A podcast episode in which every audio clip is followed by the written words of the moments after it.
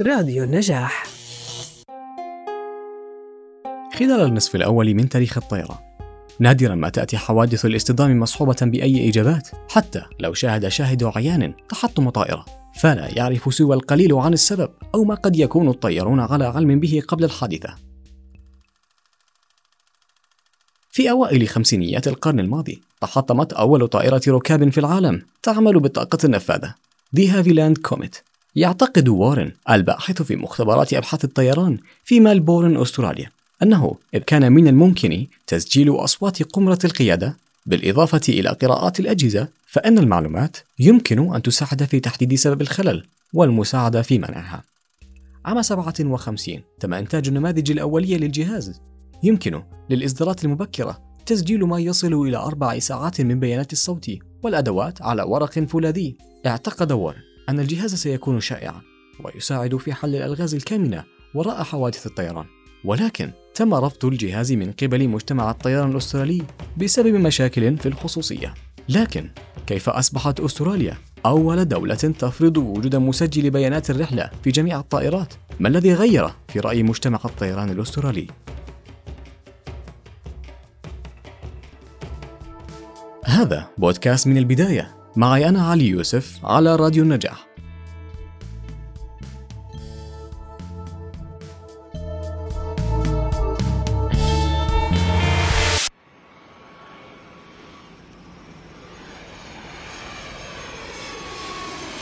حادثة تحطم الرحلة 538 في العاشر من يونيو عام 1960 كانت طائرة ركاب من طراز فوكر فريندشيب التابعة لخطوط ترانس أستراليا الجوية في رحلة من مدينة بريسبين إلى مكاي مع توقفين في مدينة ماريبورو وروكهامبتون. غادرت أول محطة لها في الوقت المحدد في الساعة الخامسة مساء تحت قيادة الكابتن اي اف سي بولوراد مع مساعده جي ال ديفيس. كانت الرحلة إلى ماريبورو ثم إلى روكهامبتون طبيعية. لم يشتكي الطاقم من أي أخطاء أو أعطال. وصلت الطائرة إلى مطار روكهامبتون في الساعة السابعة مساء حيث تزودوا بالوقود واستلموا توقعات الطقس لمدينة مكي والتي ستكون ضبابية للغاية في الوقت الذي ستصل به الطائرة. تم تزويدها ب 700 جالون من الوقود ما يعطي نطاقا كافيا للمتابعة إلى مدينة تاونزفيل إذ واجه الطاقم صعوبة بالهبوط في مدينة مكاي نتيجة الظروف الجوية. كان على متن الرحلة 29 راكبا من بينهم تسعة طلاب يقيمون في مدرسة روكهامبتون يريدون العودة إلى المنزل في مكاي من أجل عطلة نهاية الأسبوع الطويلة بمناسبة عيد ميلاد الملكة. غادرت الطائرة من روكهامبتون في الساعة الثامنة مساء وصعدت إلى ارتفاع أربعة آلاف متر. في الساعة الثامنة والنصف أفاد مراقب الحركة الجوية في مكي أن الضباب غطى المدرج بالكامل وتم إغلاق مطار مكي مؤقتا بعد بضع دقائق. وصلت الطائرة إلى المكان الذي سيبدأ فيه النزول. أخبر الكابتن بولوراد مراقب البرج بأنه سيبقى في موقعه فوق مطار مكي على ارتفاع أربعة ألاف متر حتى تتحسن الرؤية كي يتمكن من الهبوط.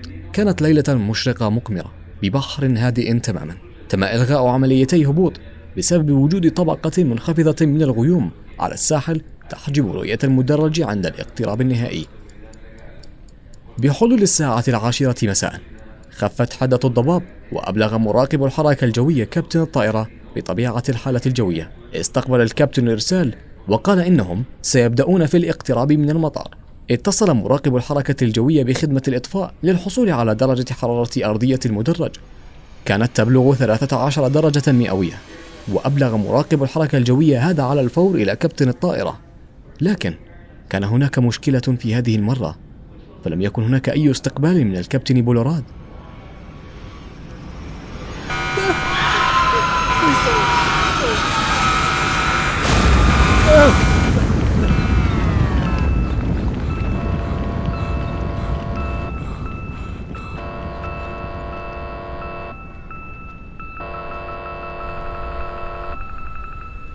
أرسل مراقب الحركة الجوية مرة أخرى مشيرا إلى أن الوقت كان العاشرة مساء ومرة أخرى لم يكن هناك أي رد. وهنا بدأ مراقب الحركة الجوية إجراءات بدء عملية البحث والإنقاذ. في حوالي الساعة الثالثة صباحا رصدت سفينة إنقاذ مزودة بكشاف ضوئي ما يفترض أنه حطام من الطائرة يطفو فوق البحر. تم إرسال سفينة مسح تابعة للبحرية الأسترالية إلى المنطقة على بعد خمسة أميال شرق مطار ميكاي. في وقت لاحق من بعد الظهر اكتشفت سفينة المسح أجزاء كبيرة من الطائرة جالسة على عمق 40 مترا في البحر. بدأت العمليات لاستعادة الحطام. في صباح اليوم التالي أصدرت السلطات تعميما عن الحادثة وفتحت تحقيقا في الأمر. توفي جميع من كانوا على متن الطائرة البالغ عددهم 29 شخصا. 25 راكبا وأربعة من طاقم الطائرة. تظل رحلة خطوط ترانس أستراليا الجوية وتحطم طائرة الخطوط الجوية الوطنية الأسترالية دوغلاس دي سي 4 عام 50 أسوأ حوادث الطيران المدني في أستراليا وثاني أسوأ حوادث الطيران على الرغم من التحقيق الشامل في كيفية تحطم الطائرة في المحيط. فإن المحققين الذين درسوا الحادثة لم يتمكنوا من التوصل إلى السبب نظرا إلى عدم وجود أدلة لاستنتاج ما قد حدث بالفعل. ما زال سبب تحطم الرحلة 538 غير معروف إلى اليوم. كانت إحدى التوصيات التي قدمها مجلس التحقيق في الحادث هي أن جميع الطائرات يجب أن تكون مزودة بأجهزة تسجيل بيانات الرحلة. وهنا نعود لاختراع الباحث الأسترالي ديفيد وارن مسجل بيانات الرحلة المعروف أيضا باسم الصندوق الأسود.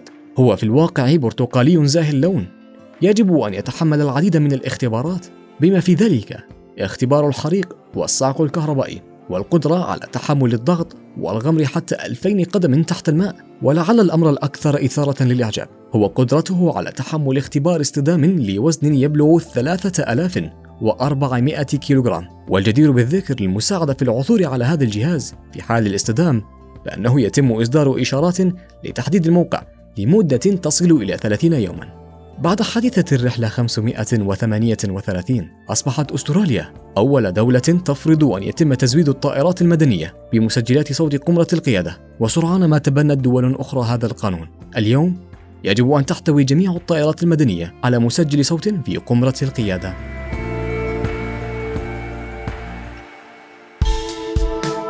كان هذا بودكاست من البداية.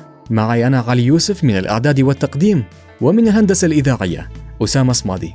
لا تنسوا الاستماع إلينا على سبوتيفاي وجوجل بودكاست وأبل بودكاست وساوند كلاود ومن خلال موقعنا النجاح dot net. إلى اللقاء.